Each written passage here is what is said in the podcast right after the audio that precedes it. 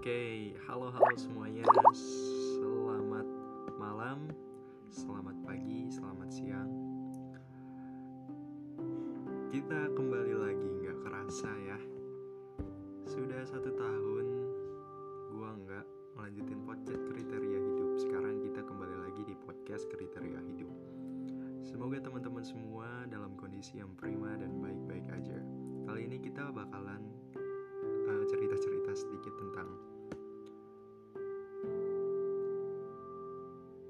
sosial dan pertemanan. Juga tentang keberanian untuk mengenal dan dikenal. Kalian tuh pernah nggak sih kepikiran atau gengsi untuk melakukan sesuatu? Seolah-olah kalian merasa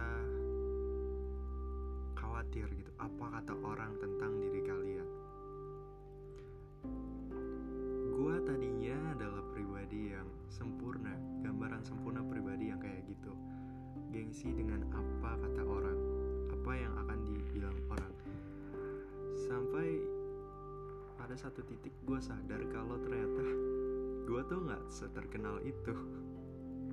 Gue nggak seterkenal itu sampai orang harus berkomentar dan beropini tentang dibuat melakukan sesuatu. Gue sadar hal ini saat gue nggak sengaja scrolling scrolling TikTok dan di situ gue kepikiran.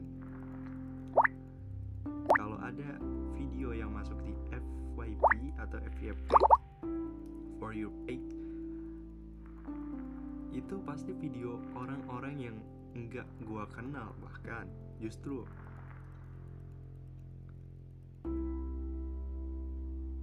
Dan gimana kalau gue yang masuk for your page itu? Maksudnya tuh gini.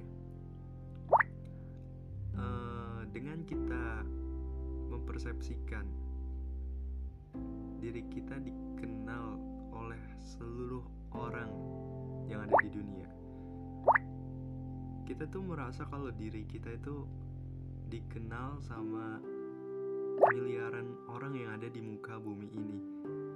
Padahal kan siapa saja sih yang kenal sama kita ya? Keluarga kita doang. Teman-teman sekolah, kampus, sama saudara itu juga cuma beberapa sih yang cuma ben yang beneran kenal sama diri kita. Yang lainnya cuma kayak sekedar say hi doang. Jadi kita posisikan gimana kalau diri kita yang masuk for you page-nya orang lain. Apakah orang yang nonton kita itu orang yang beneran kenal sama kita? Kan enggak kan? Enggak sama sekali gitu. Gini deh, kalau kita lihat, kalau kita gengsinya itu sama apa dulu?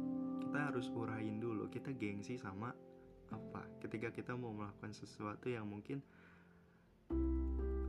lebih rendah daripada kemampuan kita ya benefit yang didapat lebih minim daripada kemampuan diri kita misalnya kemampuan kita itu sudah sampai di angka 70 katakanlah kayak gitu. Dan sesuatu yang kita lakuin itu ada di angka 30 berarti kita ngutang 50 poin dan di 50 poin itu kita merasa ah ngapain sih ngelakuin sesuatu yang justru nggak ningkatin kemampuan gue dan di situ orang mungkin merasa gengsi tapi kenapa harus gengsi coba? Karena dengan gengsi itu kita memposisikan diri kita tuh kayak artis yang semua gelagatnya bakal diingat selamanya yang semua tindak tanduknya itu bakal dikenang selamanya. Bakal masuk buku sejarah. Mungkin kita mengira kita tuh orang yang kayak gitu kan? Persis itu adalah gambaran sempurna dahulu kala gue udah mulai sadar hal ini uh, sekitar satu tahun yang lalu saat gue membaca buku tentang social skill juga dari petuah-petuah Dr. Daniel Amin tentang 18 kalau nggak salah ya 18 2 18 40 60 rules. 18 40 60 rules itu adalah aturan yang mencerahkan kita semua dari rasa gengsi ini. Itu adalah aturan yang kayak juru selamat gitu. Kata-kata yang dan teori yang betul-betul bisa mengubah keseluruhan hidup kita dari makhluk bernama gengsi. Isi aturannya tuh kayak gini. Saat usia lu 18 tahun, lu cemas sama semua perkataan orang tentang diri lu. Saat usia lu 40 tahun, lu mulai tidak mengkhawatirkan apa yang dikatakan orang tentang diri lo. Tapi pada saat usia lo 60 tahun, lu baru sadar kalau nggak ada orang yang memikirkan lu sejak pertama kali. Jadi kenapa kita tidak berpikiran seperti orang berusia 60 tahun? Apa yang menghentikan kita dari berpikir layaknya orang dengan usia 60? Ya, jelas kalau kita masih muda, kita mungkin ngerasa kalau kita tuh pusatnya dunia ya kan kita adalah wah, egosentris kita itu lagi memuncak-muncaknya kita adalah poros dari dunia ini dan semua yang ada di dunia ini harus mengikuti keinginan, kemauan dan perintah kita. Kenyataannya enggak gitu. Semua orang itu adalah poros dunia semua orang itu adalah poros dunia. Sampai nggak ada poros lagi. Jadi semua orang yang ada di dunia ini itu penting. Sama pentingnya dan sama berharganya. Semua orang yang ada di dunia itu terpakai lah istilahnya. Nggak ada orang yang sia-sia man that's kalau dia sia-sia ngapain dia diciptain? Kan nggak masuk akal balik lagi kenapa kita gengsi untuk melakukan sesuatu itu? Karena salah satunya kita menyerahkan remote control kita ke tangan orang lain. Pernah nggak kalian punya temen yang ngelakuin suatu hal terus kalian malah kalian yang malu gitu? Misalnya temen kalian nih orangnya eh, nggak uh, nggak tahu malu atau gimana tiba-tiba pas lagi sama kalian nggak sengaja ngelakuin hal yang konyol dan sampai bikin kalian tuh tensin. Nah, di sini ada kekeliruan yang sangat amat harus dibenahi. Dengan kita malu sama temen kita yang melakukan sesuatu, itu berarti kita menganggap orang lain sebagai bonekanya kita. Kita menganggap orang lain harus berada di bawah bayang-bayang diri kita. Seolah-olah kita punya tali yang bisa menggerakkan atau mengontrol orang lain. Jadi intinya kita punya narasi terhadap orang lain. Ini yang harus dibereskan. Dan kalau orang nggak berlaku sesuai narasi yang sudah kita tetapkan, kita merasa kecewa dan kita merasa uh, aneh gitu. We feel wrong ada yang salah nih. Ada yang nggak benar nih. Ya memang ketidakbenarnya itu karena kita mempunyai narasi terhadap orang lain. Narasi-narasi kayak gini itu yang harus dibenahi. Kita mulai harus menerima orang lain apa adanya sebagaimana dirinya jadi kita harus kumpulin tuh semua narasi-narasi yang udah kita tulis sama si A, sama si B, sama si C dan kita harus bakar itu sampai nggak tersisa lagi. Bagaimana cara kita memandang, seperti itulah cara kita dipandang.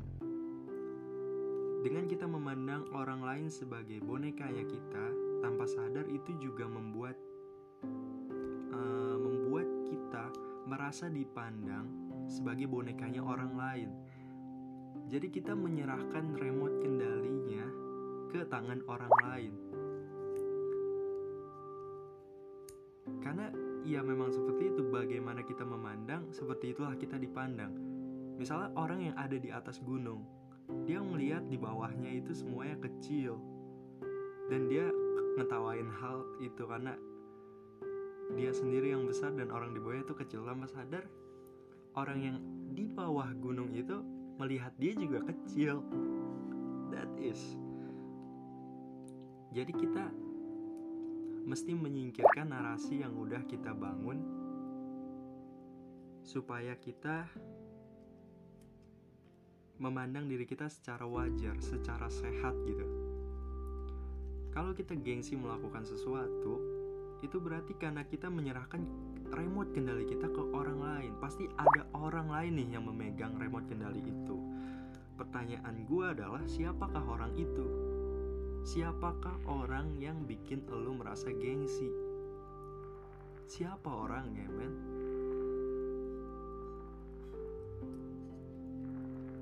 Apakah itu keluarga? Kalau keluarga lo siapa? Apa itu temen lo? Siapa? Bagaimanapun juga, remote kendalinya itu harus berada di tangan lo sendiri.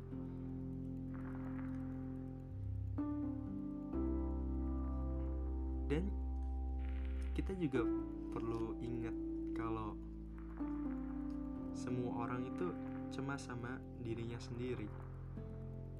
Setiap orang itu mengkhawatirkan dirinya sendiri. Kalau kita ingin menjadi orang yang simpati, gampang.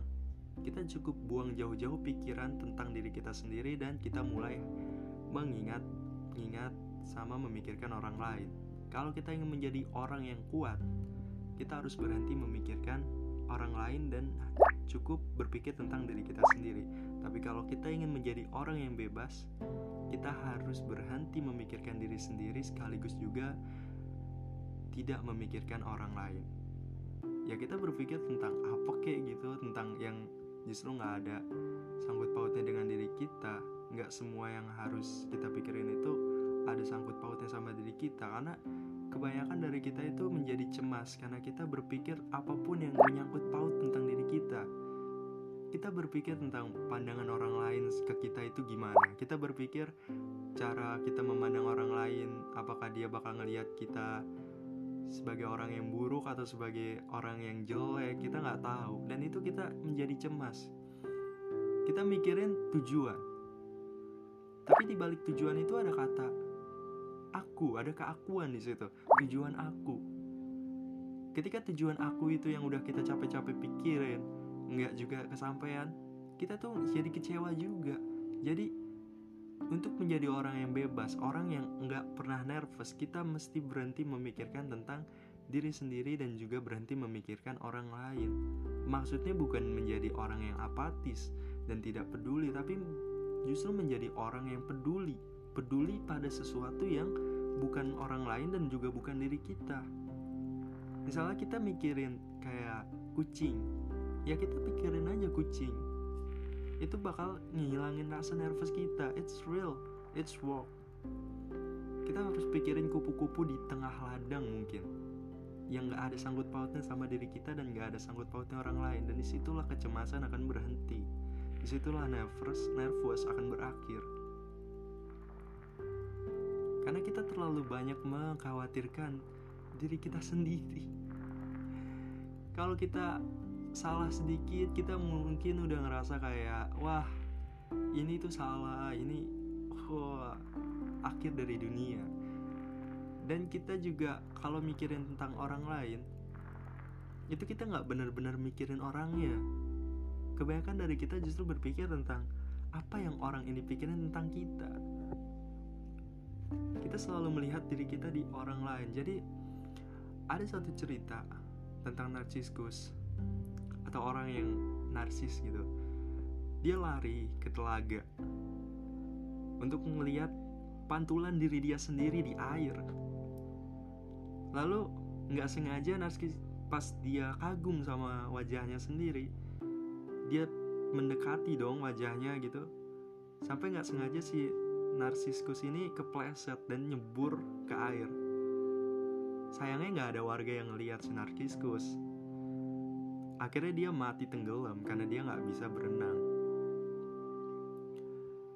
Ketika orang bijak mencari-cari si Narkiskus ini karena dia udah hampir beberapa hari nggak kelihatan di tengah kota. Dia bertanya dong sama orang-orang, e, biasanya si Narsiskus ini kalau menghabiskan waktu di mana? Orang-orang kota tuh ngejawab, oh Narsiskus kalau ngabisin waktu dia biasanya lari ke telaga. Kita nggak tahu ngapain, coba bapak ke sana aja. Ada si Pak Tua ini datanglah ke telaga itu dan dia nggak ketemu sama Narkiskus di sana. Akhirnya dia bertanya sama air, air air, kamu ngelihat Narkiskus nggak? Nah terus kata air apa? Narkiskus sudah meninggal, dia mati tenggelam. Nah terus Patua kaget dong. Gitu. Ah bagaimana bisa dia mati tenggelam nah terus akhirnya Patua tuh punya pertanyaan sebetulnya yang lebih apa punya pertanyaan untuk dirinya sendiri dia ingin tahu sesuatu yang dia bertanya Narsiskus bukan berarti dia peduli kepada Narsiskus melainkan dia punya kepentingan pribadi si Pak Tua ini. Dia ingin bertanya tentang air. Dia ingin bertanya kepada air uh, bagaimana keindahan Narsiskus itu?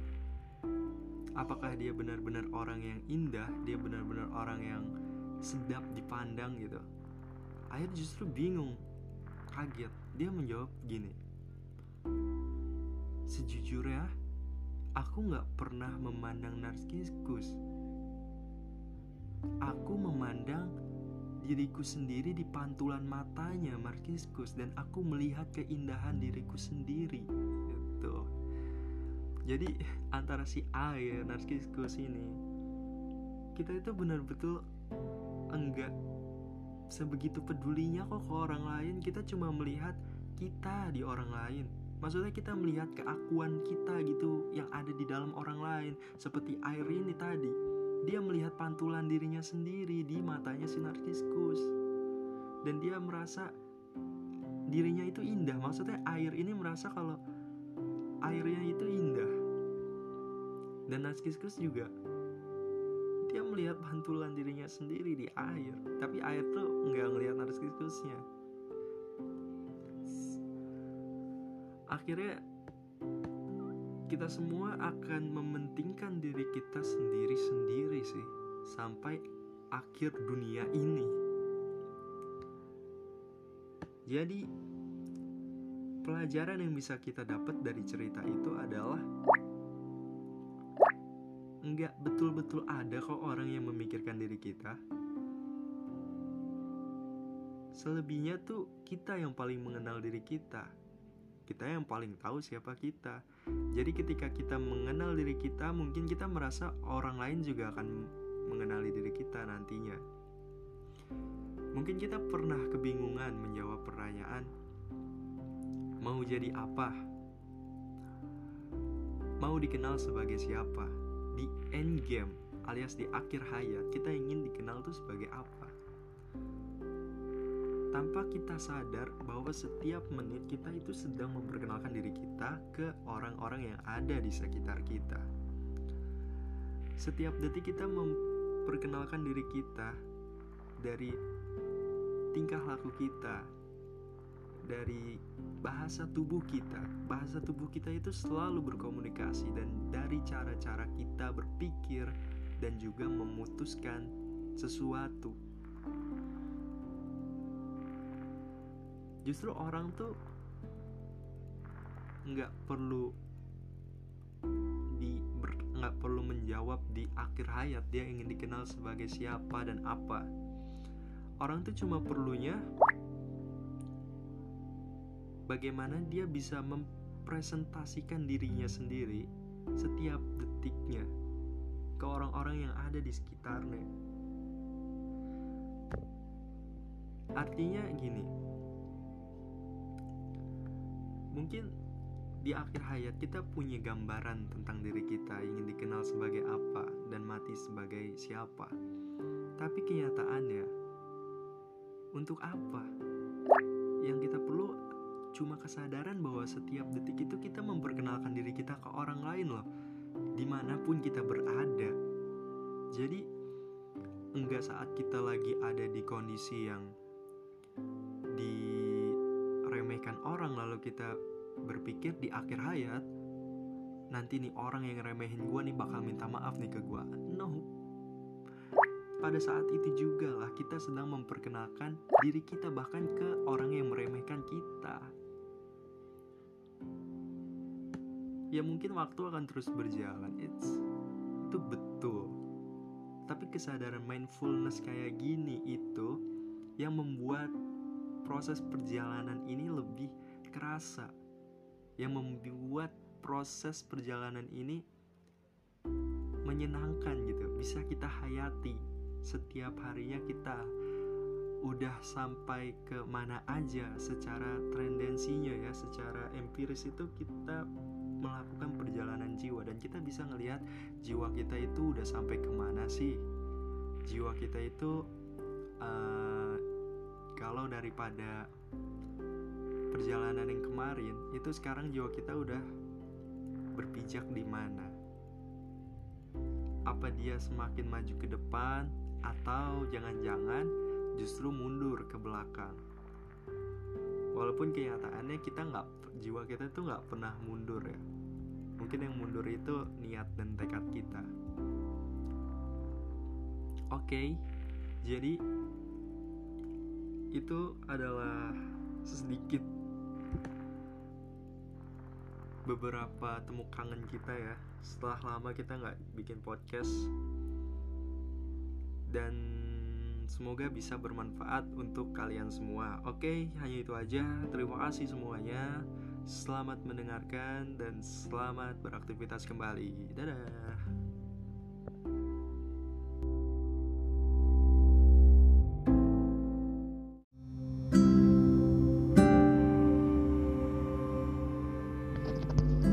Halo, halo semuanya, apa kabar? Selamat pagi, selamat siang, selamat malam dan selamat datang kembali di podcast kriteria hidup. Kali ini kita mau ngomongin tentang maksudnya ya gua ya kita akan berbicara dan berdiskusi tentang cara supaya sukses dalam hubungan sosial. Kita sebagai makhluk sosial, manusia sebagai makhluk sosial nggak bisa bro. Hidup sendiri-sendiri hidup secara individual apalagi antisosial itu kayaknya mustahil deh untuk kita lakuin. Yo kalau ada orang yang bilang eh gue bisa hidup sendirian. Enggak maksudnya hidup sendirian tuh ya mungkin lu kuat menyendiri aja kali lu betah untuk menyendiri dalam jangka waktu yang lama banget. Tapi mungkin lu nggak kuat untuk hidup sendiri itu kayaknya uh, it's a impossible Buktinya apa? Buktinya adalah baju yang lu kenakan. Baju yang lu kenakan apakah itu lu yang bikin sendiri? It's enggak kan? Baju yang kita pakai itu adalah produk tangannya orang lain yang kita beli. Artinya ada orang nih yang udah mengerjakan baju ini. Ada orang yang udah berpartisipasi dalam hidupnya kita. Jadi itu itu adalah uh, dasarnya ya dasarnya dari hubungan sosial sesama manusia. Dan kita akan membahas apa aja sih yang bisa bikin kita sukses dalam hubungan sosial ini. Karena banyak dari kita yang mungkin nggak uh, mengerti ya antisosial dan ingin lebih sociable ingin menjadi seorang sosialis, tapi bukan ideologi. Ingin menjadi orang yang pandai bersosialisasi ke lingkungan sekitarnya. Dan banyak orang yang justru mereka melakukan cara-cara yang salah untuk bersosialisasi di lingkungannya. Jadi keinginannya itu sering nggak terwujud karena ada cara-cara yang mungkin keliru gitu, kurang tepat untuk dilakukan se untuk tujuan kita. Tujuan kita awalnya itu adalah supaya bisa sukses kan. Jadi kita nggak akan melakukan cara-cara yang bersimpangan gitu dari tujuan kita. So gimana sih caranya? Sebutin aja lah, nggak usah banyak basa-basi. Oke, okay, gue akan sebutin cara ini yang sederhana banget. Pertama kita harus sadari dan tanam ini dalam-dalam bahwa dalam hubungan sosial kita bisa bersosialisasi dengan siapa saja kita bisa berbicara dengan orang yang kita sukai maupun orang yang tidak menyukai kita. Kita bisa berkumpul dengan orang yang menginginkan diri kita dan kutip mengharapkan diri kita dan kita juga bisa berkumpul dengan orang yang tidak menginginkan kehadiran kita. Kita bisa berteman dengan siapa saja dari bidang mana saja. Karena ini dalam ranah hubungan sosial banyak orang yang mungkin merasa gue nggak bisa berteman sama orang lain sana itu berlainan bidang sama gue kita dalam dunia yang berbeda ya mungkin secara bidang yang kalian tempuh kalian berbeda tapi dalam berhubungan sosial kita semua itu sejatinya sama dan kita bisa untuk berteman sama siapa aja dalam dalam hubungan sosial ya kita mungkin nggak bisa berhubungan sama orang lain di bidangnya. Misalnya bidang kita apa dan bidang dia apa berbeda.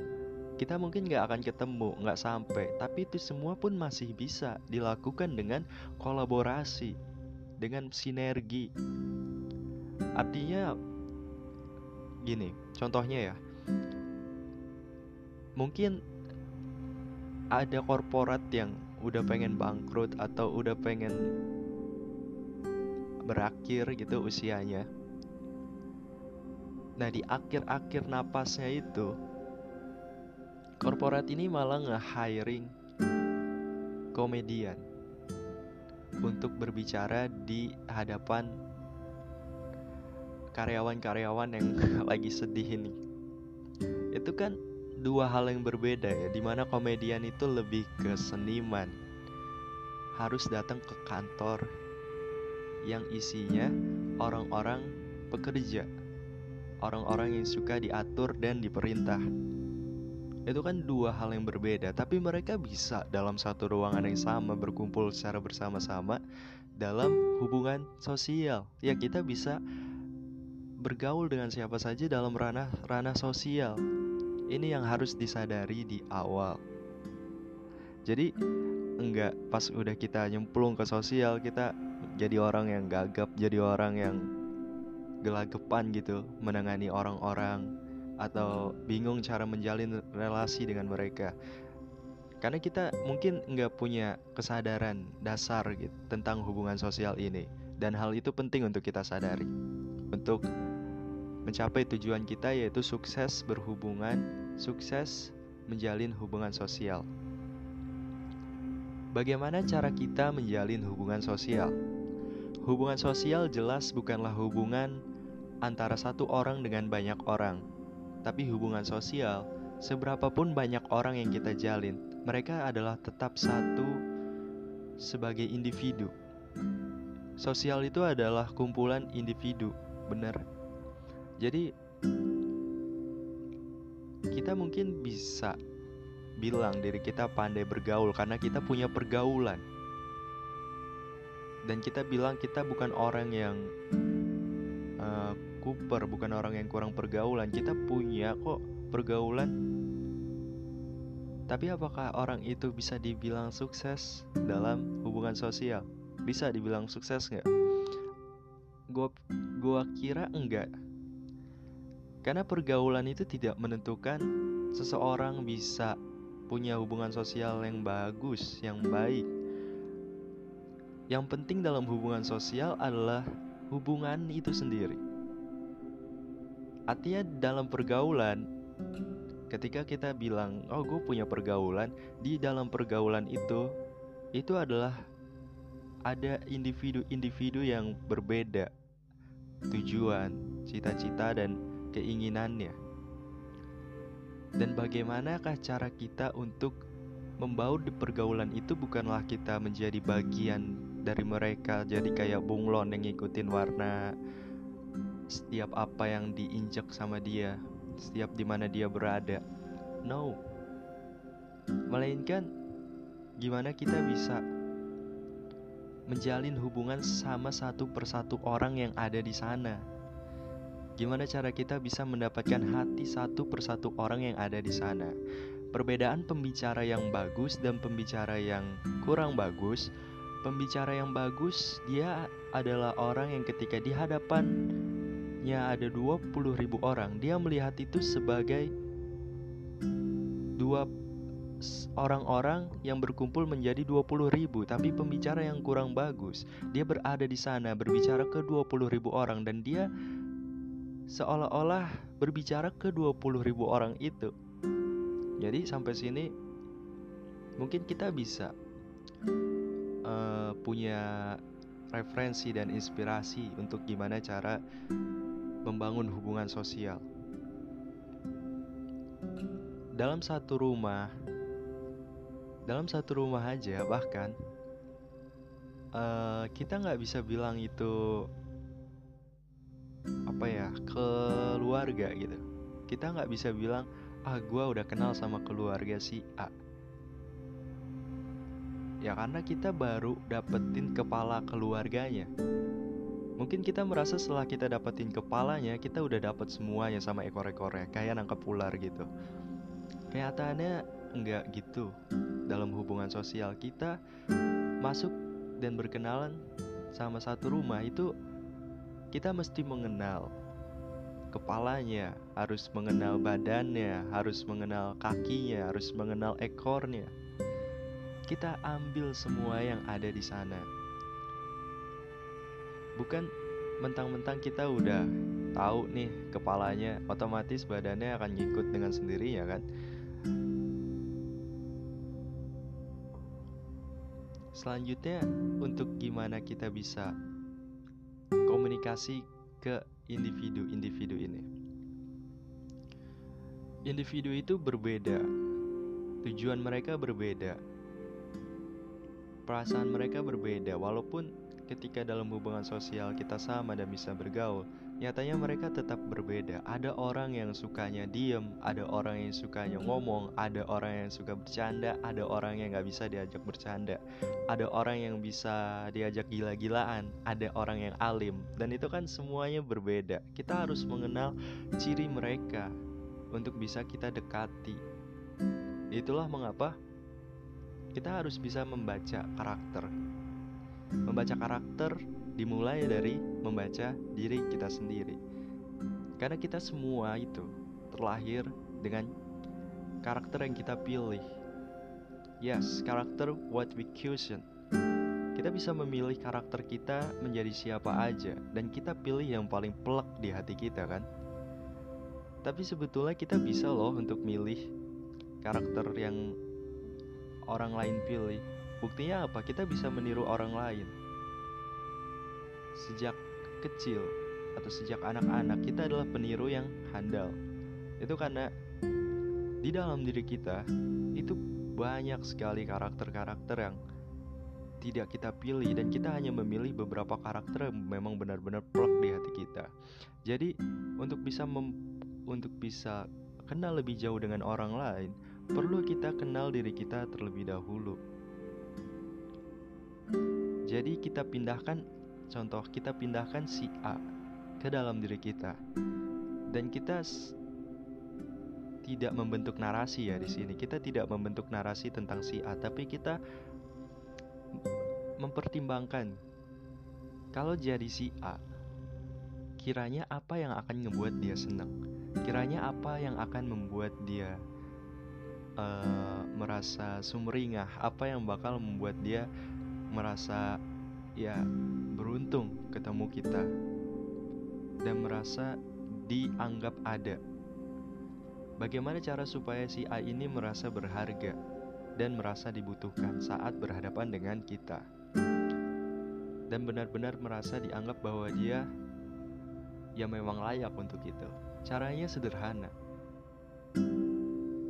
Anggap saja dia sebagai orang yang penting bagi kita. Banyak dari kejadian-kejadian yang udah kita lalui, hal-hal yang kita lewatkan yang sebetulnya penting malah enggak kita urus karena kita menganggapnya enggak penting. Nah, sekarang kita mestinya menganggap orang lain itu penting. Ketika kita menganggap orang lain penting, berarti kita akan memprioritaskan mereka. Apa manfaatnya memprioritaskan orang lain? Kita akan menjadi orang yang bersinar di matanya. Kita menjadi orang yang wow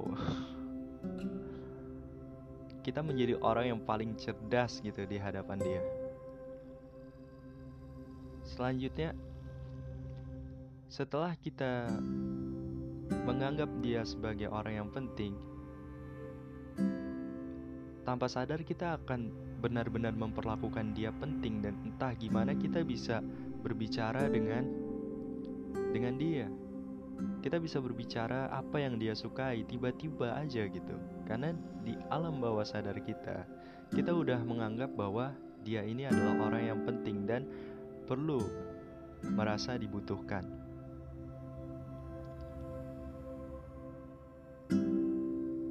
Selanjutnya gimana cara untuk berkenalan dengan individu ini yap cukup berkenalan aja Berkenalan adalah tanda bahwa kita enggak mengenal orang lain dan orang lain enggak mengenal kita. Bahwa tidak ada orang yang mengenal diri kita sampai kita memperkenalkannya melalui bahasa tubuh kita, melalui pola pikir kita, melalui gerak-gerik kita. Itu orang lain nanti akan kenal diri kita dengan itu tadi. Tapi orang lain gak ada yang kenal kita selama tiga detik pertama kita baru ketemu mereka. Orang lain juga nggak punya persepsi apa-apa. Mereka cuma sekedar ngelihat pernah kan kita seperti itu? Kita cuma melihat orang selama tiga detik habis itu ya belum sempat kita bangun persepsi apa-apa. Tapi setelah orang itu bertindak bersikap kita baru punya persepsi jadi apa sih yang mesti dilakuin di tiga detik pertama ini saat kita ketemu orang lain? Senyum. Dengan kita senyum orang akan merespon hal yang sama. Mungkin nggak kalau kita senyum orang lain marah marah-marahin kita gitu kan? Enggak saat kita senyum kita juga menjadi pribadi yang mempesona di matanya. Dan orang yang kita senyumin itu akan merasa dibutuhkan dan merasa dihargai menghormati itu nggak harus selalu dengan menjilat ya menghormati itu ya secara natural like mengalir aja gitu.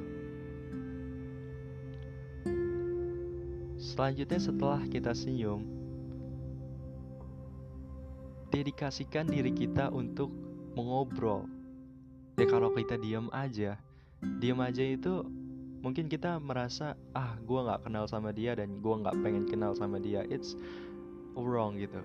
Setiap orang itu ingin mengenal dan ingin dikenali. Setiap orang secara garis besar ingin dikenal dan ingin mengenali. Dengan kita diam berarti kita sedang membentuk persepsi pikirannya orang lain tentang diri kita sendiri bahwa kita adalah orang yang cuek, kita adalah orang yang jutek, dan kita orang yang gak asik untuk diajak ngobrol. Mungkin harapannya kita ingin menjadi orang yang elegan dengan kita diam. Kita ingin menjadi orang yang berwibawa atau lebih anggun gitu kenyataannya nggak seperti itu kan di lapangan lebih sering orang menganggap menyukai diri kita kalau mereka berbicara sama kita. Kalau orang diem aja di samping kita itu kan tanda bahwa orang ini lagi nggak serak sama kita atau nggak klop sama kita. Jadi tan buatlah tanda kalau kita menyukai orang lain dengan berbicara dengan mengobrol dengan bertanya. setelah itu orang lain pasti juga akan menanggapi dengan baik. Nggak mungkin saat kita berkenalan orang merasa kayak ih lu apaan sih? Apaan sih? Enggak lah. Orang merespon dengan baik. Setelah kita bisa merespon dengan baik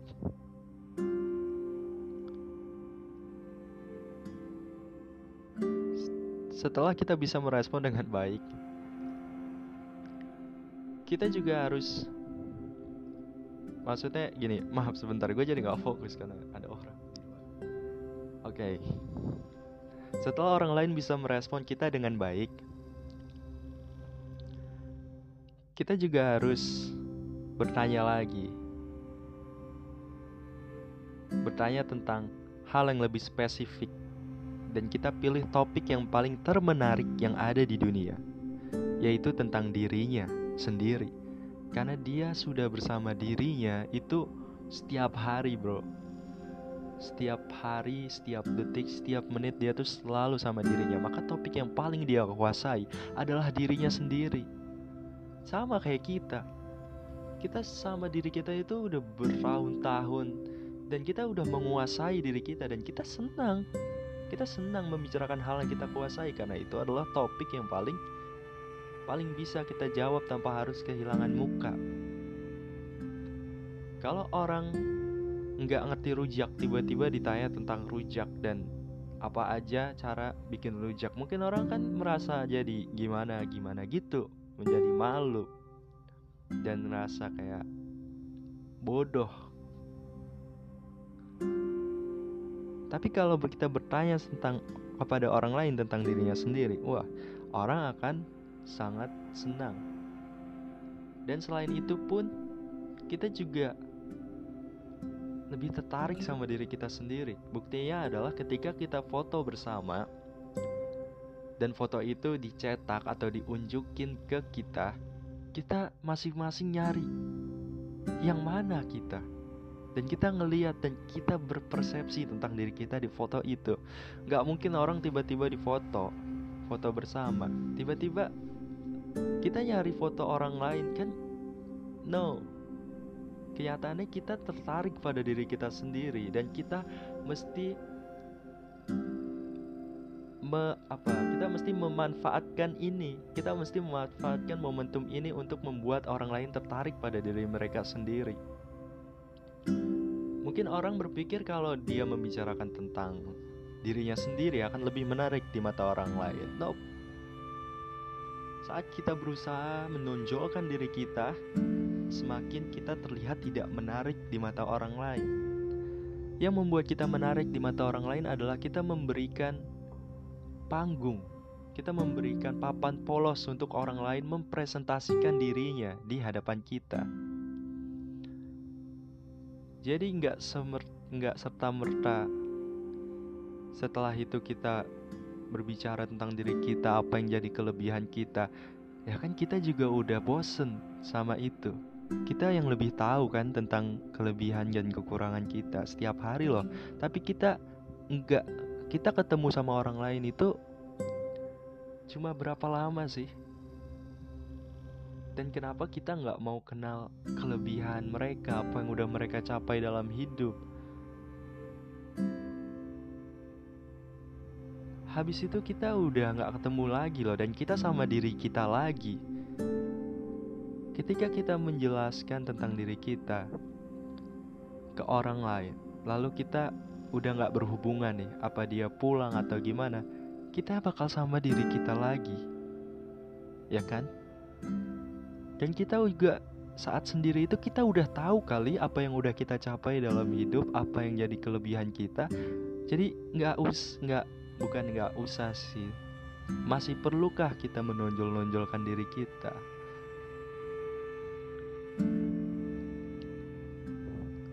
kemudian setelah bisa kita memberikan panggung untuk orang lain memperkenalkan dirinya kita mesti berkenalan secara lebih spesifik berkenalan tentang mungkin tentang namanya.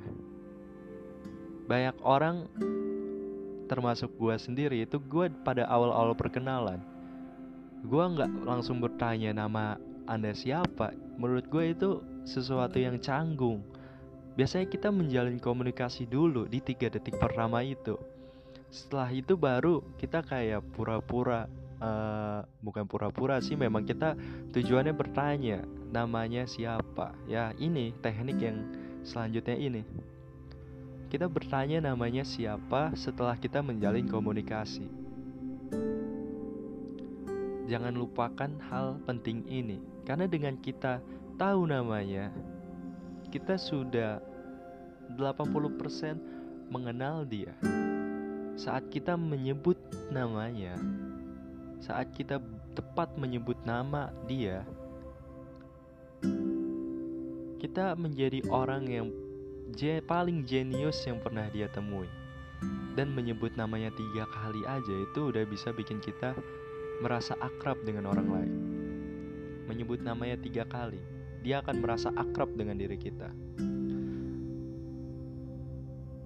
penting ya untuk menjalin komunikasi yang meninggikan egonya adalah karena setiap komunikasi itu kemungkinan setiap koneksi itu kemungkinan belum selesai dan akan kita temui lagi nanti di masa depan saat kita mungkin butuh saat kita mungkin nggak sengaja papasan jadi pentingnya kita membangun komunikasi yang baik karena kita menyadari koneksi itu belum selesai Nah, kalau kita membangun komunikasi ke orang lain yang buruk, yang bikin orang lain itu dendam sama kita, dan setelah putus pun, lalu kita nggak sengaja butuh dia, kita nggak sengaja papasan sama dia, kita jadi orang yang was-was. Kita jadi punya musuh di luar sana. Dan kemungkinan besar saat hanya dia yang bisa meninggikan dan membantu hidup kita, kita jadi gengsi untuk minta bantuan sama dia karena pernah kita sakiti hatinya.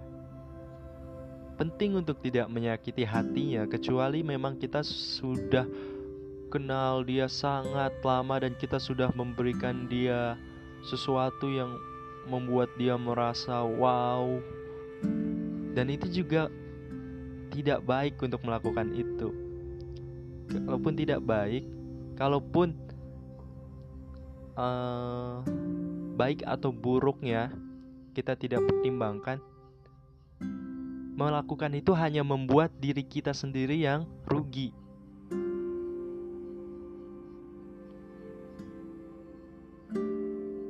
Barangkali dia adalah aset. Barangkali dia adalah mutiara terpendam yang nanti sewaktu-waktu akan kita gali dan suatu waktu akan berharga. Jadi sadari bahwa setiap kita menjalin komunikasi, jalinlah komunikasi yang menyenangkan, yang kalem dan yang elegan gitu. Karena koneksi yang kita temui itu hanya kita bangun dalam satu kali seumur hidup kita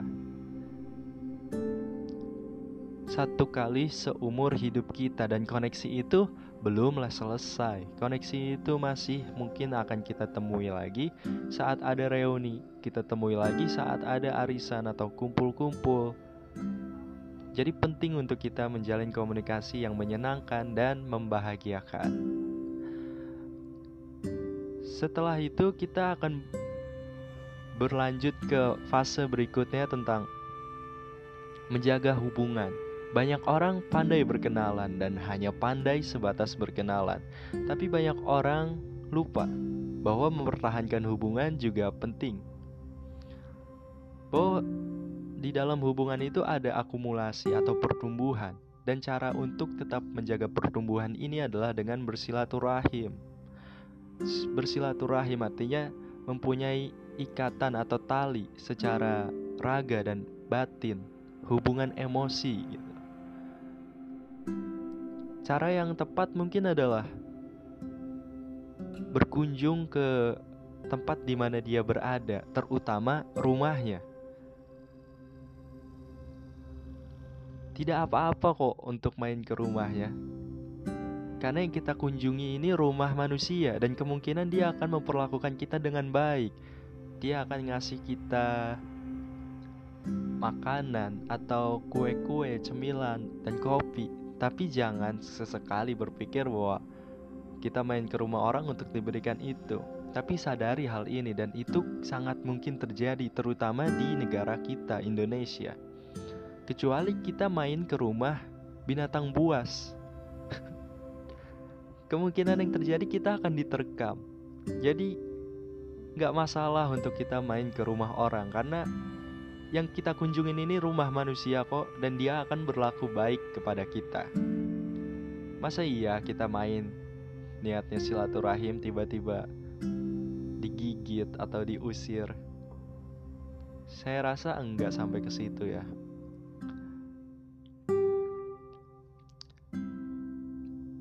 Nah, itu sekedar beberapa referensi yang bisa kita pakai untuk bergaul secara sosial dengan individu.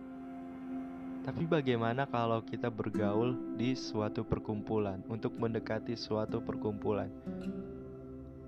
Sadari hal ini bahwa kita itu berharga tanpa perlu membuktikan perbuatan baik yang begitu besar atau membuktikan perbuatan buruk yang sangat buruk kita berharga tanpa pembuktian apa pun. Jadi, ketika kita ingin masuk ke lingkaran sosial yang sudah ada dan terbentuk, datanglah dan masuklah dengan permisi. Buatlah atensi.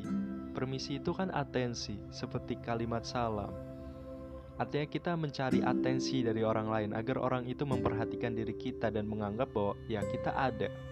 Caranya ya itu dengan lakukan apa yang bikin orang memperhatikan kita. Salah satunya salam tadi. Atau bisa juga dengan sesuatu yang wow gitu saat kita berkarya sehingga nanti orang akan noleh. Orang noleh ke kita dan menganggap bahwa kita ada. Dan keberadaan kita itu sejalan dengan apa yang kita berikan kepada mereka. Kita akan semakin dianggap ada apabila semakin banyak kita memberikan sesuatu ke luar diri kita, ke sumber-sumber yang kita memang ingin tuju. Dan kita akan diakui keberadaannya memberikan sesuatu itu tidak selalu yang besar-besar, tidak selalu yang megah. Kadangkala kita cuma butuh memberikan senyuman atau sapaan. Hingga orang lain kan mengakui bahwa kita ada di situ dan kita menghangat, kita memberi kehangatan di situ. Kalau kita ingin diterima orang lain, Umumnya kita mencari atensinya dengan cara yang keliru. Kita malah merugikan orang lain dan banyak orang yang seperti ini. Karena dengan berpikir merugikan orang lain, dia akan memperhatikan kita. Dia akan menjalin hubungan dengan kita. Ya memang betul dia menjalin hubungan dengan kita tapi dalam konotasi yang negatif, dalam arah yang menjerumuskan. Bahkan minus. Tapi kalau kita memberikan dia sesuatu yang bernilai, yang bermakna, yaitu juga bisa disebut attention. Perhatian orang akan tertuju kepada kita, tapi dalam konotasi yang positif, sehingga kita mendapat nilai plus.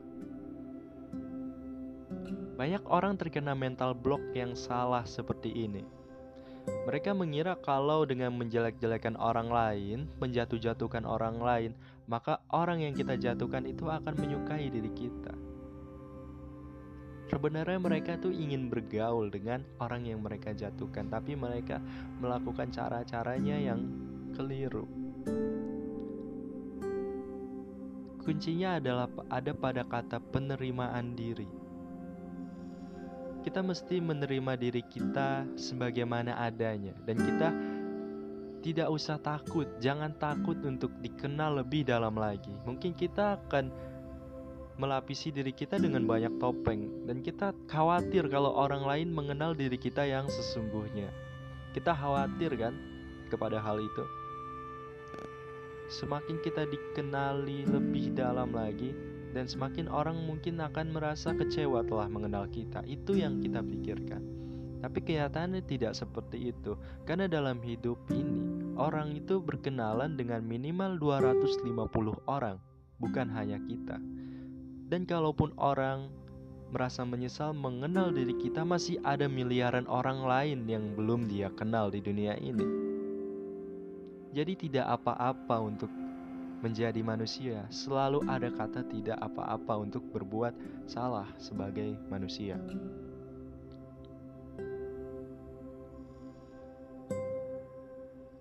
Selanjutnya tentang memperluas pengaruh dan pergaulan.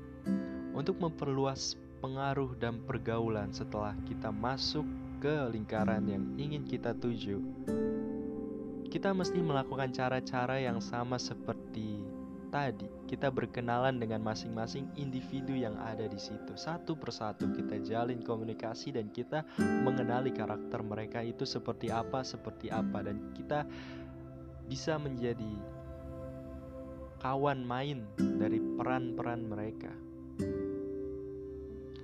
Kalau dalam bahasa Betawi, lu jual, gua beli.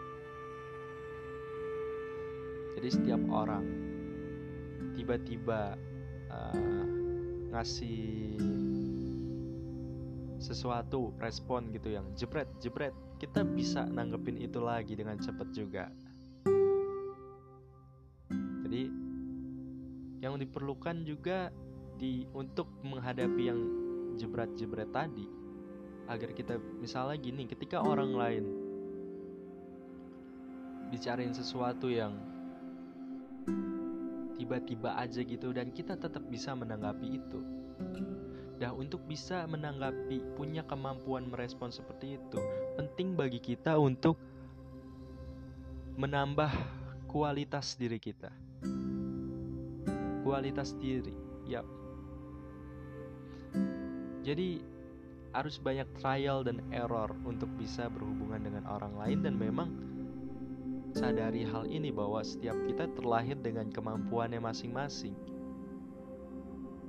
Itu kan betul adanya, bahkan orang yang terlihat tidak punya kemampuan, dia bukannya tidak punya kemampuan, dia hanya belum menemukan kemampuannya. Karena setiap orang terlahir dengan kemampuannya dan ini juga menjadi sentral dalam diskusi-diskusi kita dalam membangun hubungan sosial bersama orang lain tanpa kemampuan yang spesifik dan jelas, tanpa kualitas diri yang oke okay dan maksimal, mungkin kita akan menjadi orang yang lebih banyak belajar justru ya, bukan orang yang perform. Jadi saat orang membicarakan sesuatu, kita lebih banyak belajar di situ, bukan menjadi orang yang juga bisa perform apa yang sudah kita ketahui. Dan itu juga tidak apa-apa dalam hubungan sosial tidak selalu kita mesti perform, kita mesti menang. Tapi juga kita bisa menjadi orang yang belajar.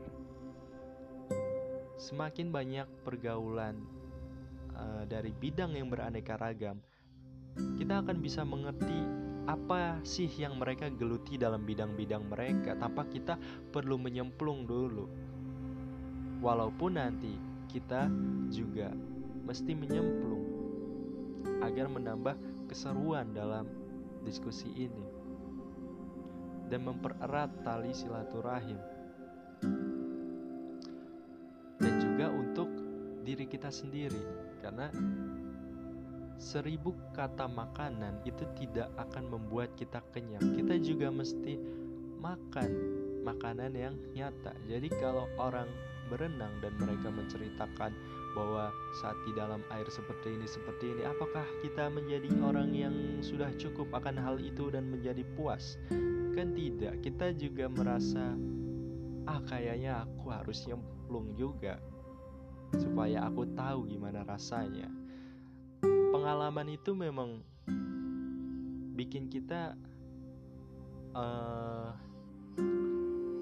menambah koleksi-koleksi komunikasi kita ya, menambah juga integriti kita di mata orang lain.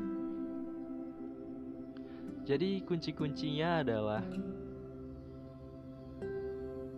sebagaimana yang tadi udah kita sebutin. Satu, kita harus menyadari bahwa kita bisa berhubungan sosial dengan siapa saja. Kemudian juga kita mesti menjalin hubungan sosial kepada seluruh bagian dari struktur itu.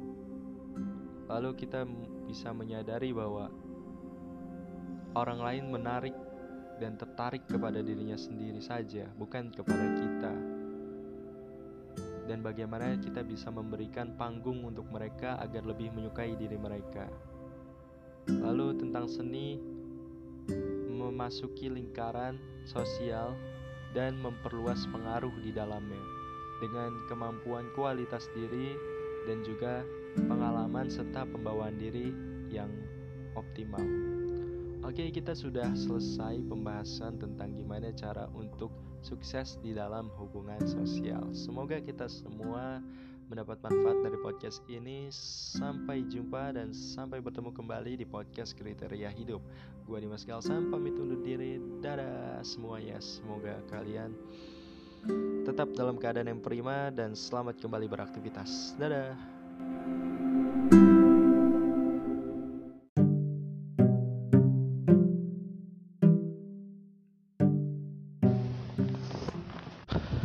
Halo, halo semuanya, apa kabar? Selamat siang, selamat malam, selamat sore, selamat pagi di mana pun kalian berada.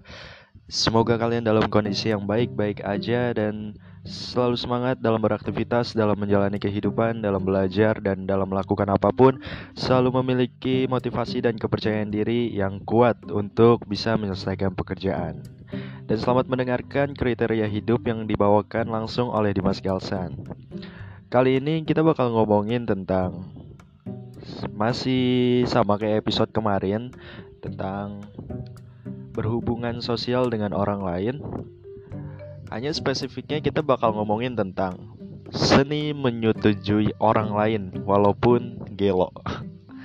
Seni menyetujui orang lain itu berarti kita menyetujui apa pun opini orang lain yang menurut kita bermanfaat dan masih dalam batasan wajar.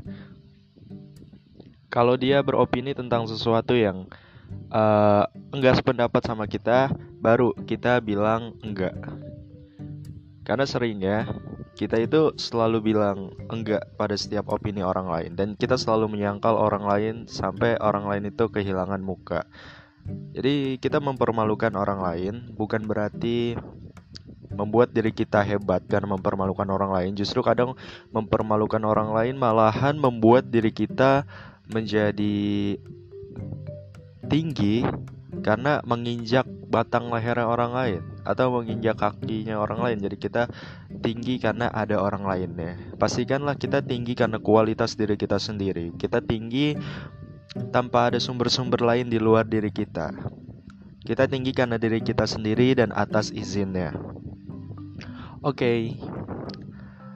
mungkin kita pernah ketemu sama orang yang selalu menyangkal uh, opini kita ya. Kita ketemu sama jiwa-jiwa yang kelaparan yang setiap kita beropini mereka selalu mengambil kuasa dan punya andil untuk menyangkal setiap opini kita dan selalu disangkal. Apa pun walaupun itu fakta dan itu benar selalu ada orang yang punya cara-cara untuk mencari alasan bagaimana bisa sukses menyangkal pendapat kita. Mungkin itu karena penyakit hati atau memang orang itu suka menyangkal aja kali ya. Kita juga nggak tahu isi hati orang lain. Jadi berusaha berpikir yang terbaik tentang orang lain aja. Walaupun kita merasa ya sakit ya merasa malu juga karena kita tuh uh, jarang ngomong lah. Ada orang yang jarang ngomong sekalinya ngomong aduh kena sangkalan kena penolakan itu sakit loh kita semua dalam berkomunikasi menginginkan persetujuan dari orang lain. Misalnya, uh, kita lagi nggak sengaja ngobrol, terus orang lain bilang kayak gini, hari ini cuacanya dingin ya. Nah terus kita bilang, enggak nggak dingin, ah lu aja kali itu mah itu kan jadi rancu ya komunikasinya. Tapi kalau kita bilang, iya dingin banget ya, uh, dingin-dingin gini enaknya kita beli teh hangat nih. Yuk ke kantin kita beli teh hangat. Ayo.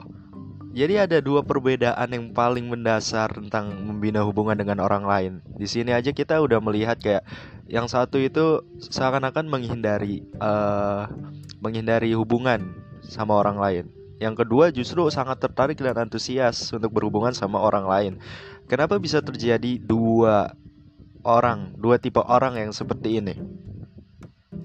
Semestinya dalam berhubungan sosial kita itu nggak melulu kok harus meluruskan atau harus membenarkan sesuatu. Dalam berhubungan sosial itu nggak penting juga sih kadang baik atau buruk itu nggak disepelekan. Tapi dalam berhubungan sosial yang paling menarik itu adalah tentang kebermanfaatannya sesuatu yang menyenangkan gitu. Sesuatu yang bikin orang suasana hatinya atau moodnya jadi enak jadi tenang. Kalau berhubungan sosial kita selalu didasari atas kebenaran atas sesuatu yang benar fakta aktual kemungkinan kita akan menjadi orang yang pahit dalam bersikap. Itu karena kita pengennya ya kebenaran uh, kebenaran kebenaran harus benar nggak boleh salah harus benar harus benar. Jadi tanpa kita lupa kadang kalau orang lain juga punya perasaan lah lagi pula ini kan cuma ngebahas cuaca ya. Nggak perlu kok kita sampai uh, mempermalukan orang lain demi kepentingan atau kebenaran kita sendiri. Karena orang tuh lebih seringnya uh, ingin benar, ingin mempunyai pendapat, ya mungkin tujuannya baik, punya pendapat yang benar. Tapi dalam proses berhubungan sosial ini kurang menarik, kurang bisa membawa orang pada tingkatan yang akrab kalau kita bisa menyetujui orang lain dengan mudah, kita akan akrab dengan orang lain.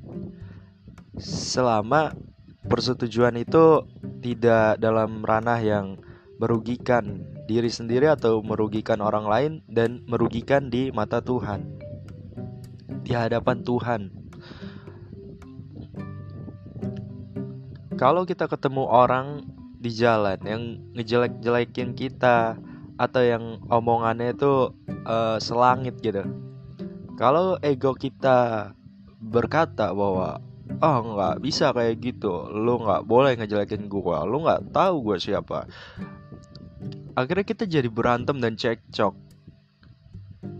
Tapi kalau kita udah pada tingkatan yang bisa menyetujui orang lain, kita mungkin kayak ah ini orang emang omongannya ngawur aja kali Nah, kita udah bisa sampai ke tingkatan yang kayak gitu loh. Kalau kita udah bisa ke tingkatan yang kayak gitu, bayangin berapa damainya hati kita. Dari 1 sampai 10, itu 11. Kalau kita bisa menyetujui orang lain, kita akan cepat akrab dengan orang lain. Kalau kita akrab dengan orang lain, kita juga cepat mempunyai chemistry. Kalau kita udah punya ikatan emosi yang kuat nih sama orang lain, itu orang akan lebih mau, akan lebih siap dan bersedia membantu kita, mengajarkan kita, memberikan kita bantuan dalam bentuk materi, dalam bentuk pengetahuan atau mengirimkan temannya yang untuk membantu kita. Jadi keloyalitasan orang itu akan ada kalau kita ngebantuin orang lain kalau kita menuju, menyetujui orang lain.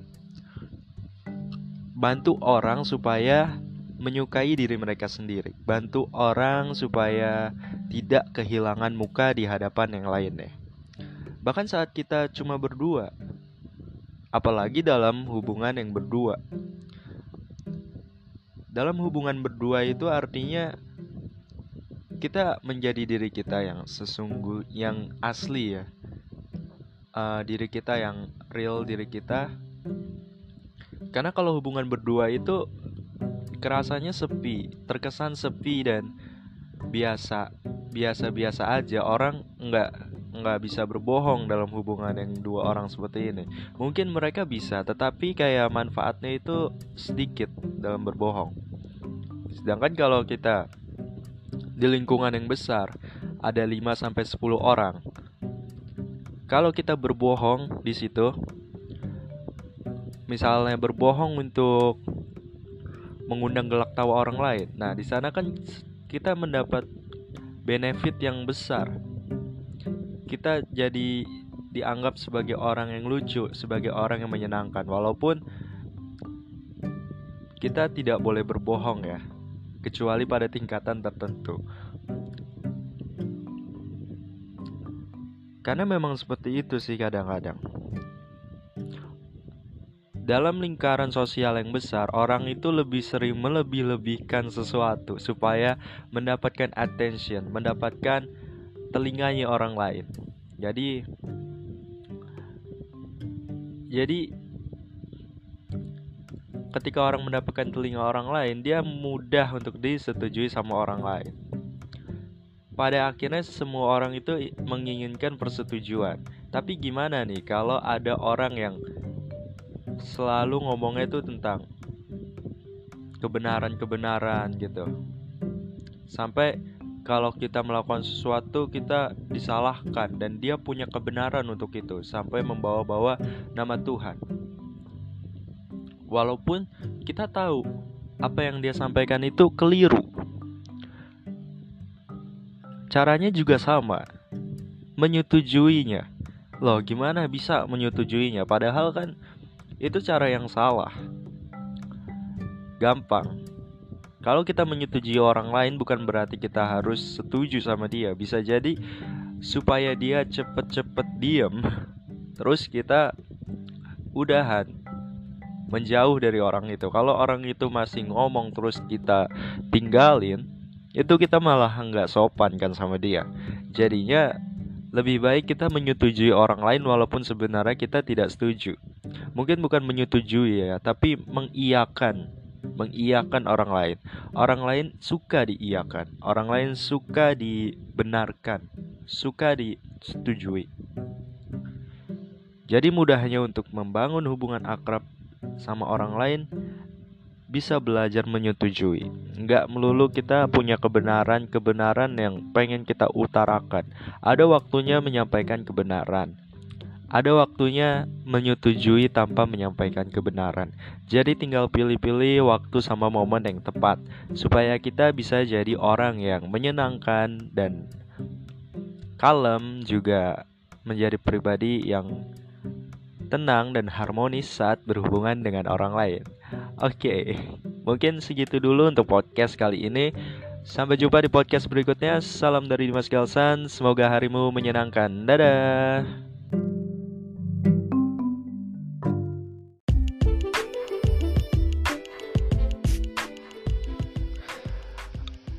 Halo semuanya, selamat malam, selamat pagi, selamat siang. Ya, selamat tahun baru 2022. untuk kita semua yang merayakan. Oke. Semoga semua makhluk merayakan. Setiap orang merayakan dengan euforianya masing-masing. Kalau tahun 2022 bisa menjadi tahun yang berbeda dari tahun 2021, kita semua pasti bakalan bahagia banget karena kita semua juga tahu kalau tahun 2021 menjadi tahun yang tidak mudah untuk dijalani. Walaupun begitu kita mungkin tidak bergantung sama tahun, kita tetap bergantung sama Tuhan. Tahun hanya menjadi simbol saja. Tetap Tuhan kita menjadi segala-galanya. Oke, hari ini kita bakal ngebahas tentang orang yang nggak punya personality. Capek nggak sih jadi orang yang nggak punya personality? Jadi lo tuh hidup hanya untuk meniru orang lain atau menjadi klaim casternya orang lain, jadi doppelganger dari tindakan orang lain dan gua termasuk orang yang suka niru orang lain karena untuk punya kepribadian sendiri yang originalitas nggak cukup kuat. Nggak cukup bikin orang ya bisa bermain-main dengan karakter kita. Kalau kita nggak punya karakter agaknya juga sulit untuk kita berada di pergaulan mana pun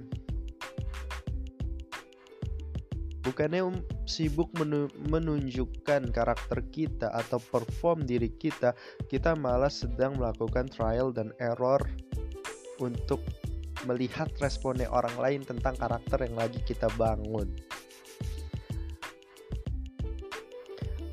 Kenapa sih kalau orang nggak punya karakter? Terus kalau orang nggak punya karakter bakalan mati gitu? Mungkin sih orang yang nggak punya karakter nggak bakalan mati tapi gimana rasanya hidup kayak Bung Loneng di mana tempat dia berada, dia mengikuti warna yang paling dominan dari tempat itu. Tanpa dia bisa menentukan sendiri dia mau berubah menjadi apa.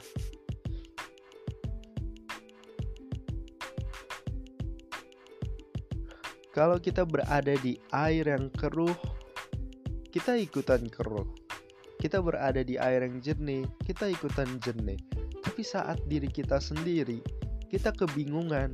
Kita kebingungan mikirin bahwa kita nih air yang keruh atau air yang jernih karena kita bisa dua-duanya.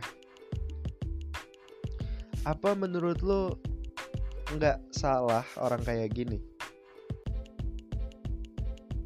Mungkin kuncinya itu berada pada kata pilihan kita adalah siapa yang diri kita pilih untuk diri kita sendiri. Ada orang yang memilih untuk dirinya menjadi orang yang bandel, ada orang yang milih dirinya untuk jadi orang yang baik, bijak, ada orang yang memilih dirinya untuk jadi orang yang apatis dan gak peduli sama sekitarnya. Jadi, orang yang gak punya personality adalah orang yang mungkin kurang pandai untuk memilih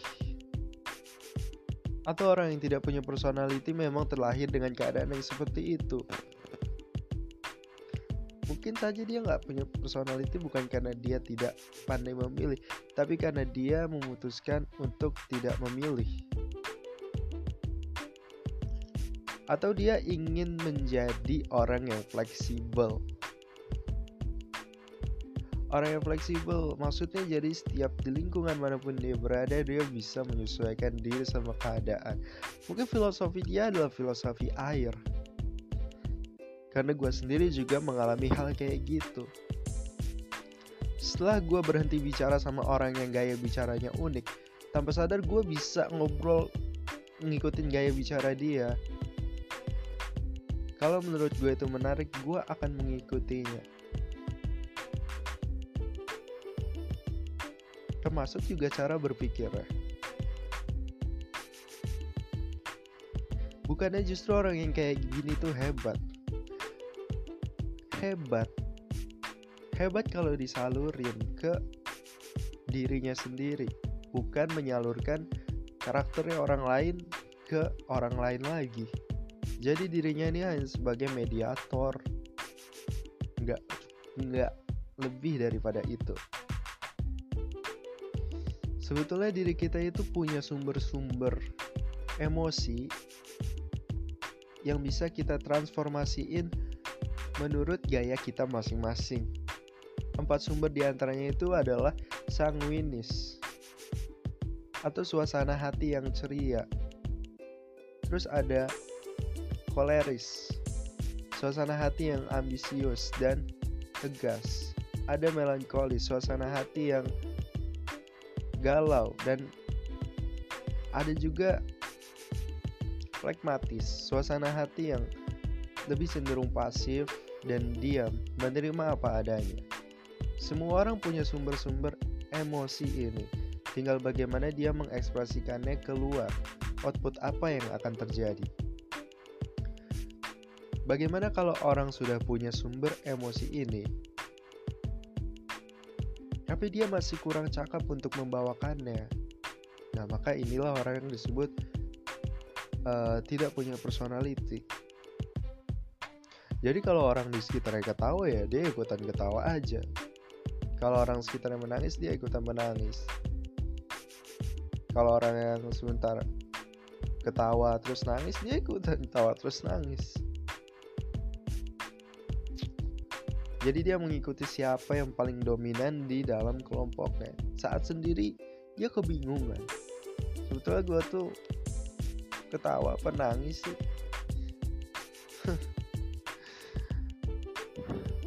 Tapi memang ada kok orang yang seperti itu dan gue adalah salah satunya.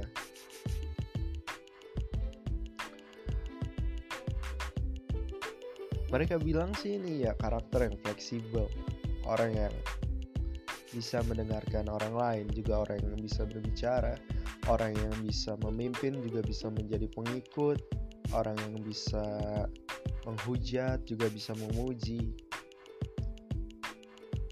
Bukannya orang itu mesti punya ciri yang paling menonjol, yang harus ditonjolin ya, supaya dia bisa jadi orang yang dalam tanda kutip khusus.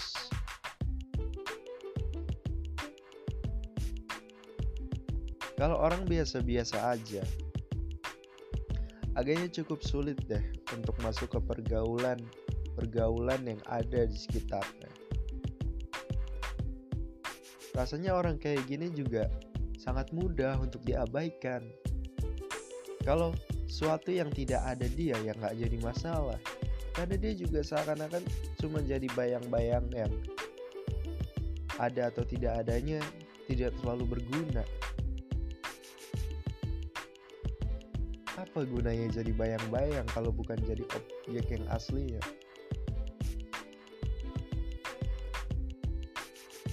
Sebetulnya sangat loh orang itu butuh punya personality. Tapi bagaimana sih cara ngebangunnya?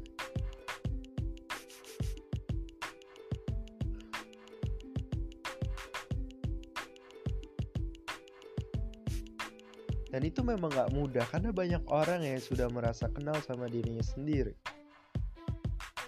Masih belum tahu apa yang menjadi kelebihannya kalau disuruh nulis 10 kelebihan yang dia miliki. Karena kita mungkin dididik untuk menunjukkan kekurangan kita ya daripada kelebihan kita.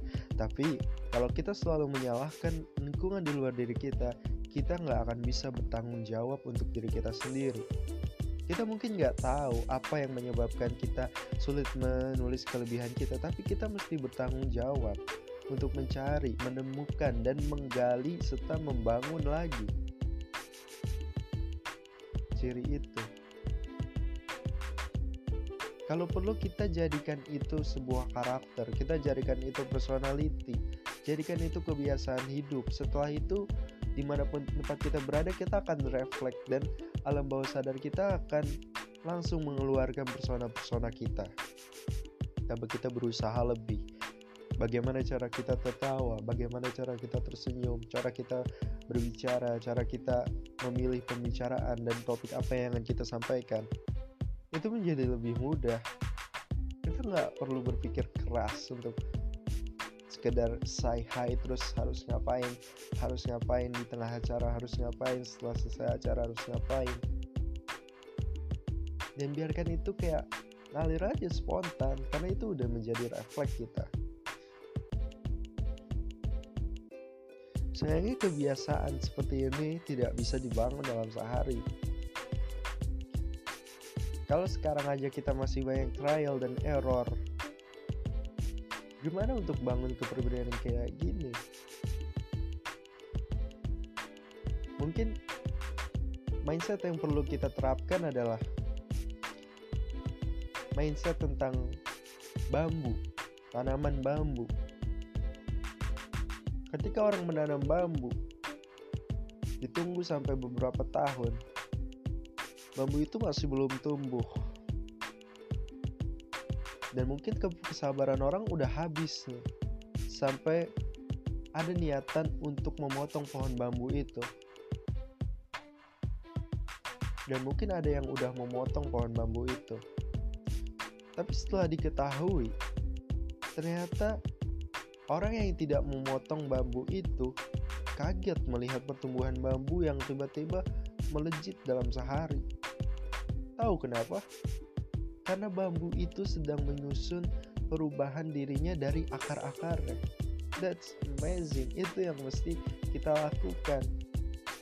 Kita harus tetap sabar dan semangat menemukan personality kita.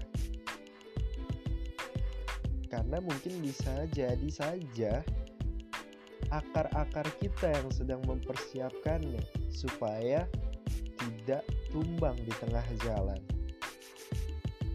Maka karakter yang penting adalah karakter untuk tidak mudah putus asa. Karakter yang tidak mudah putus asa akan menghasilkan karakter-karakter lain di atasnya. Semoga aja. Dan itulah podcast kita di tahun 2021 ini. Semoga bisa bermanfaat untuk kalian semua dan semangat terus menjalani aktivitas kalian. Sampai jumpa di lain waktu. Gue Dimas Galsan pamit undur diri di podcast kriteria hidup. Dadah semuanya.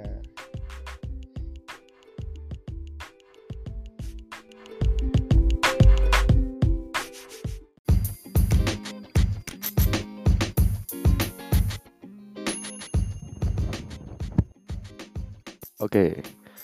Halo semuanya, selamat pagi, selamat siang, selamat malam. Balik lagi sama gue Dimas Galsan dari podcast Kriteria Hidup. Buat kalian yang udah pernah mendengarkan podcast Kriteria Hidup sebelumnya, selamat datang kembali dan semoga kalian bisa menikmati tayangan podcast yang satu ini. Kali ini gue pengen coba mengulas sedikit tentang tentang orang yang pemalu. Sebelumnya kalian tahu nggak kalau orang yang pemalu itu adalah orang yang paling banyak meruginya. Ya walaupun budaya malu itu memangnya memang baik. Tapi kalau tidak pada porsi yang pas, itu menjadi tidak baik. Segala sesuatu yang berlebihan itu tidak baik. Termasuk malu. Malu yang berlebihan justru bikin kita banyak merugi. Dan gue udah pernah mengalami itu. Malu yang berlebihan itu bikin orang yang diajak untuk menikmati suatu hidangan mewah, tapi dia tidak merasa pantas untuk itu dan dia malah memutuskan untuk berdiri di luar restoran. Malu itu seperti itu, itu orang yang pemalu. Tapi kalau malu itu adalah orang yang tidak diajak makan, ya dia tidak ikut makan. Tapi orang yang pemalu ini memang agak agak lain cara pikirnya. Mungkin karena dia menganggap dirinya sendiri memalukan, jadinya dia bertindak, beraksi dan berpikir yang merasa dirinya tidak layak dan menjadi orang yang insecure, orang yang tidak aman pada dunia sekelilingnya. Orang yang pemalu itu memang mengalami banyak banget kerugian terbukti pada pengalaman-pengalaman yang udah gue lalui dan gue coba untuk melihat lagi ternyata ya memang betul orang yang pemalu ini lebih cenderung melewati kesempatan-kesempatan besar yang menawarkan dirinya untuk bisa bertumbuh. Mereka seakan tidak layak atau tidak pantas untuk masuk atau sekedar mencoba dulu belajar apa yang ada di dalam kesempatan itu. Orang yang pemalu juga bikin kita orang yang pemalu bikin kita bertanya-tanya. Mungkin orang yang pemalu ini pernah punya rasa percaya diri. Tapi pada saat mereka percaya diri, ada sesuatu eksternal di luar dirinya yang mengecilkan rasa percaya diri mereka. Karena terlalu sering atau terlampau sering akhirnya orang yang pemalu ini dari internal internalnya sendiri dia juga jadi mengecilkan rasa percaya dirinya. Dipengaruhi oleh faktor eksternal tadi. Faktor eksternal itu banyak banget. Mulai dari kata-kata atau pola perilaku orang lain yang mempengaruhi diri kita. Tapi betul nggak sih orang yang pemalu itu lebih banyak ruginya? Betul nggak sih kalau orang pemalu itu dia menghindari dari berdekatan sama orang yang dia suka. Dia menghindari dari mendapat teman yang dia inginkan. Dia menghindari kesempatan untuk membuat dirinya bertumbuh. Dia menghindari dari mendapatkan kenikmatan yang sudah ditawarkan oleh orang lain karena rasa ketidakpercayaan dirinya. Ya namanya juga pemalu, gimana mau percaya diri? Sebetulnya orang yang pemalu ini kalau dia bisa melihat fakta-fakta yang sudah terjadi di kehidupannya dan dia bisa mensyukuri bahwa dia pernah percaya diri. Dan dia harusnya menganggap bahwa percaya diri itu adalah hal yang wajar, hal yang normal. Karena sebagian dari orang pemalu berpikiran kalau percaya diri itu cuma pernah ada. Pernah ada dalam hidupnya dan dia tidak mungkin lagi mencapai posisi yang percaya diri seperti itu. Mungkin kekeliruan seperti ini bisa dibenahi dengan cara kita melihat sendiri dan mengkilas balikan perjalanan hidup kita bahwa kita alias orang-orang yang pemalu itu tidak selamanya malu dan tidak selamanya memalukan. Mungkin kita pernah berbicara dan berinteraksi dengan orang dengan begitu percaya dirinya. Kita juga pernah melakukan sesuatu dengan begitu percaya dirinya tanpa khawatir apa yang orang lain pikirkan tentang diri kita, tanpa khawatir apa yang orang lain mungkin akan ucapkan tentang diri kita. Jadi kita nggak khawatir super ego kita itu dilukai oleh orang lain karena kita sudah percaya pada diri kita sendiri. Ketika orang mencaci, menghina orang yang percaya diri, orang yang sudah memiliki kepercayaan diri, orang ini tidak merasa kehilangan apa-apa, tidak ada sesuatu yang dirampas dari dirinya, entah itu mimpinya, visinya, apalagi fisiknya dia tetap sehat baik-baik aja impiannya juga masih ada dan itu nggak bisa dirampas. Itu bagi orang yang percaya diri tapi berbeda dengan orang yang pemalu. Orang yang pemalu itu mereka lebih sering secara internal mengubur sendiri mimpi-mimpinya mengubur sendiri kepercayaannya. Jadinya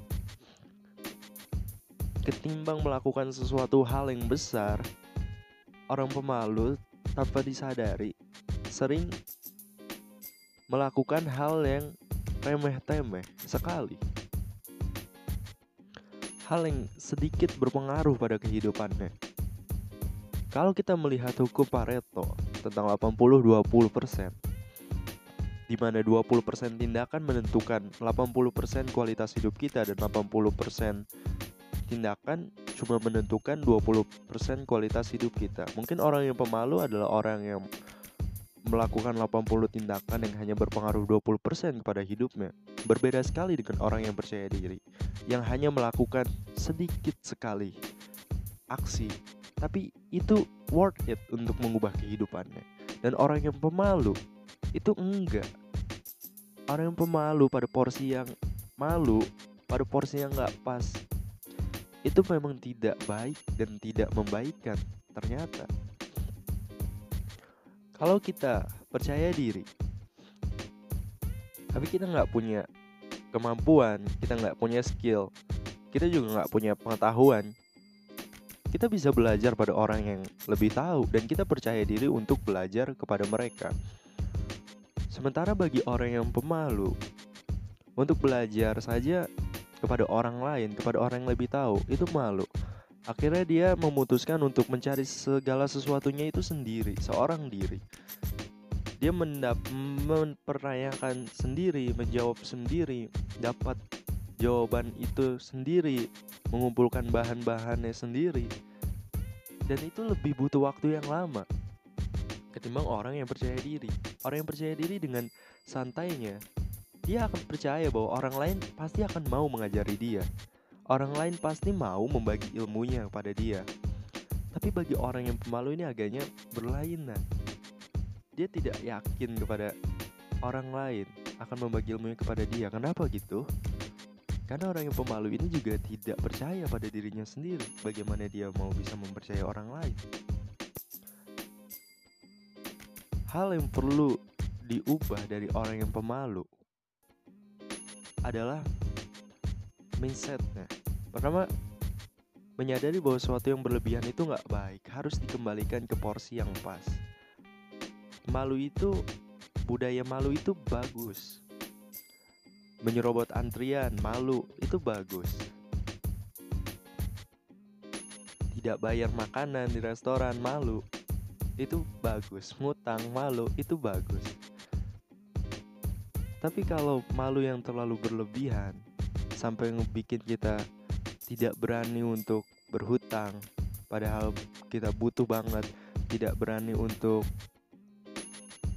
meminta izin, padahal kita butuh banget, dan terlalu sering mengucapkan kata maaf walaupun kita tidak salah apa-apa.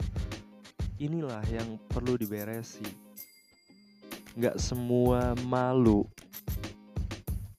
nggak semua malu itu istimewa. Malu-malu yang istimewa seperti malu untuk menjelekkan orang lain, malu untuk menghina orang lain itu pada takaran itu bagus. Tapi kalau malu kita, kita arahkan terus kita arahkan, kita push gitu sampai mentok. Sampai di semua bidang kehidupan kita selalu ada yang malu-malu. Jadi di setiap tempat kita malu. Walaupun kita sudah berada di tempat lain, kita masih jadi orang yang pemalu. Kita masih malu untuk berada di rumah kita sendiri. Iya kan? Kalau kita nggak malu di rumah kita sendiri, mungkin kalau orang lain lihat kita joget-joget gitu, kita nggak mempermasalahkan itu. Tapi ternyata kepindahan orang lain di tempat yang berbeda itu tidak mengubah dirinya. Maka yang tepat untuk mengubah diri adalah sekarang, saat ini, detik ini juga. Ya diubah aja perspektifnya kalau kita memang tidak bisa mengubah keadaannya. Malu itu betul-betul merugikan. Malu yang berlebihan ya maksudnya. Malu yang berlebihan itu betul-betul merugikan. Coba sekarang, apa sih yang kamu pinginin dalam hidup kamu terjadi?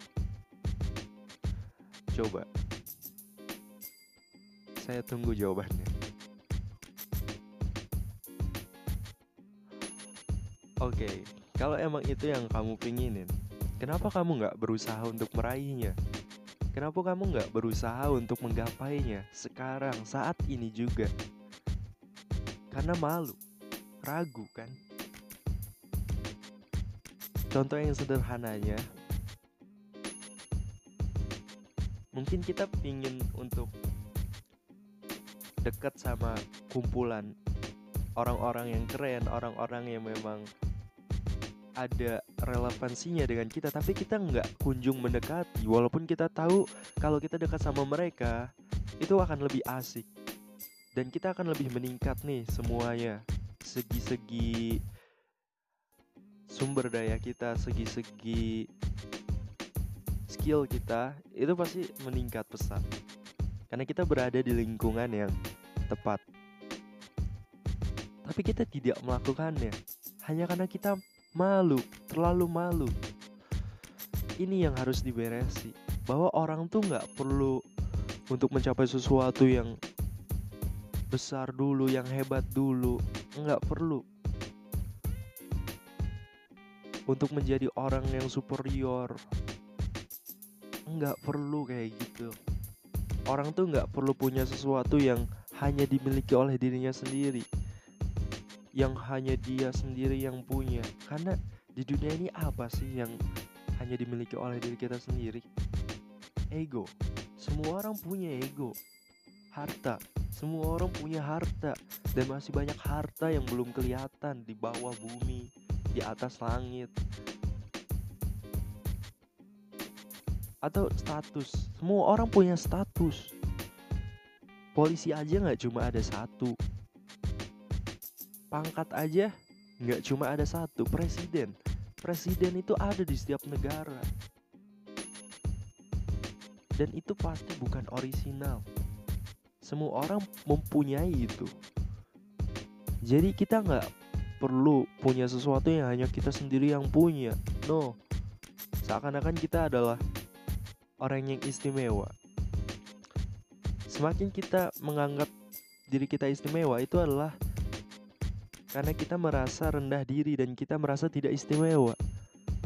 Ingat ini baik-baik, kalau setiap orang yang ada di dunia ini, mereka semua adalah orang yang istimewa, termasuk dirimu sendiri. Karena setiap orang yang terlahir adalah orang-orang yang terpilih tanpa perlu dia melakukan pembuktian kebaikan yang sudah benar-benar besar dia lakukan atau kejahatan yang besar yang pernah dia lakukan tanpa perlu hal itu. Semua orang istimewa tanpa pembuktian apa pun. Dan semoga dengan menyadari fakta-fakta itu, kita bisa menjadi orang yang percaya diri. Sekian dari gue Dimas Galsan. Sampai berjumpa kembali di podcast selanjutnya.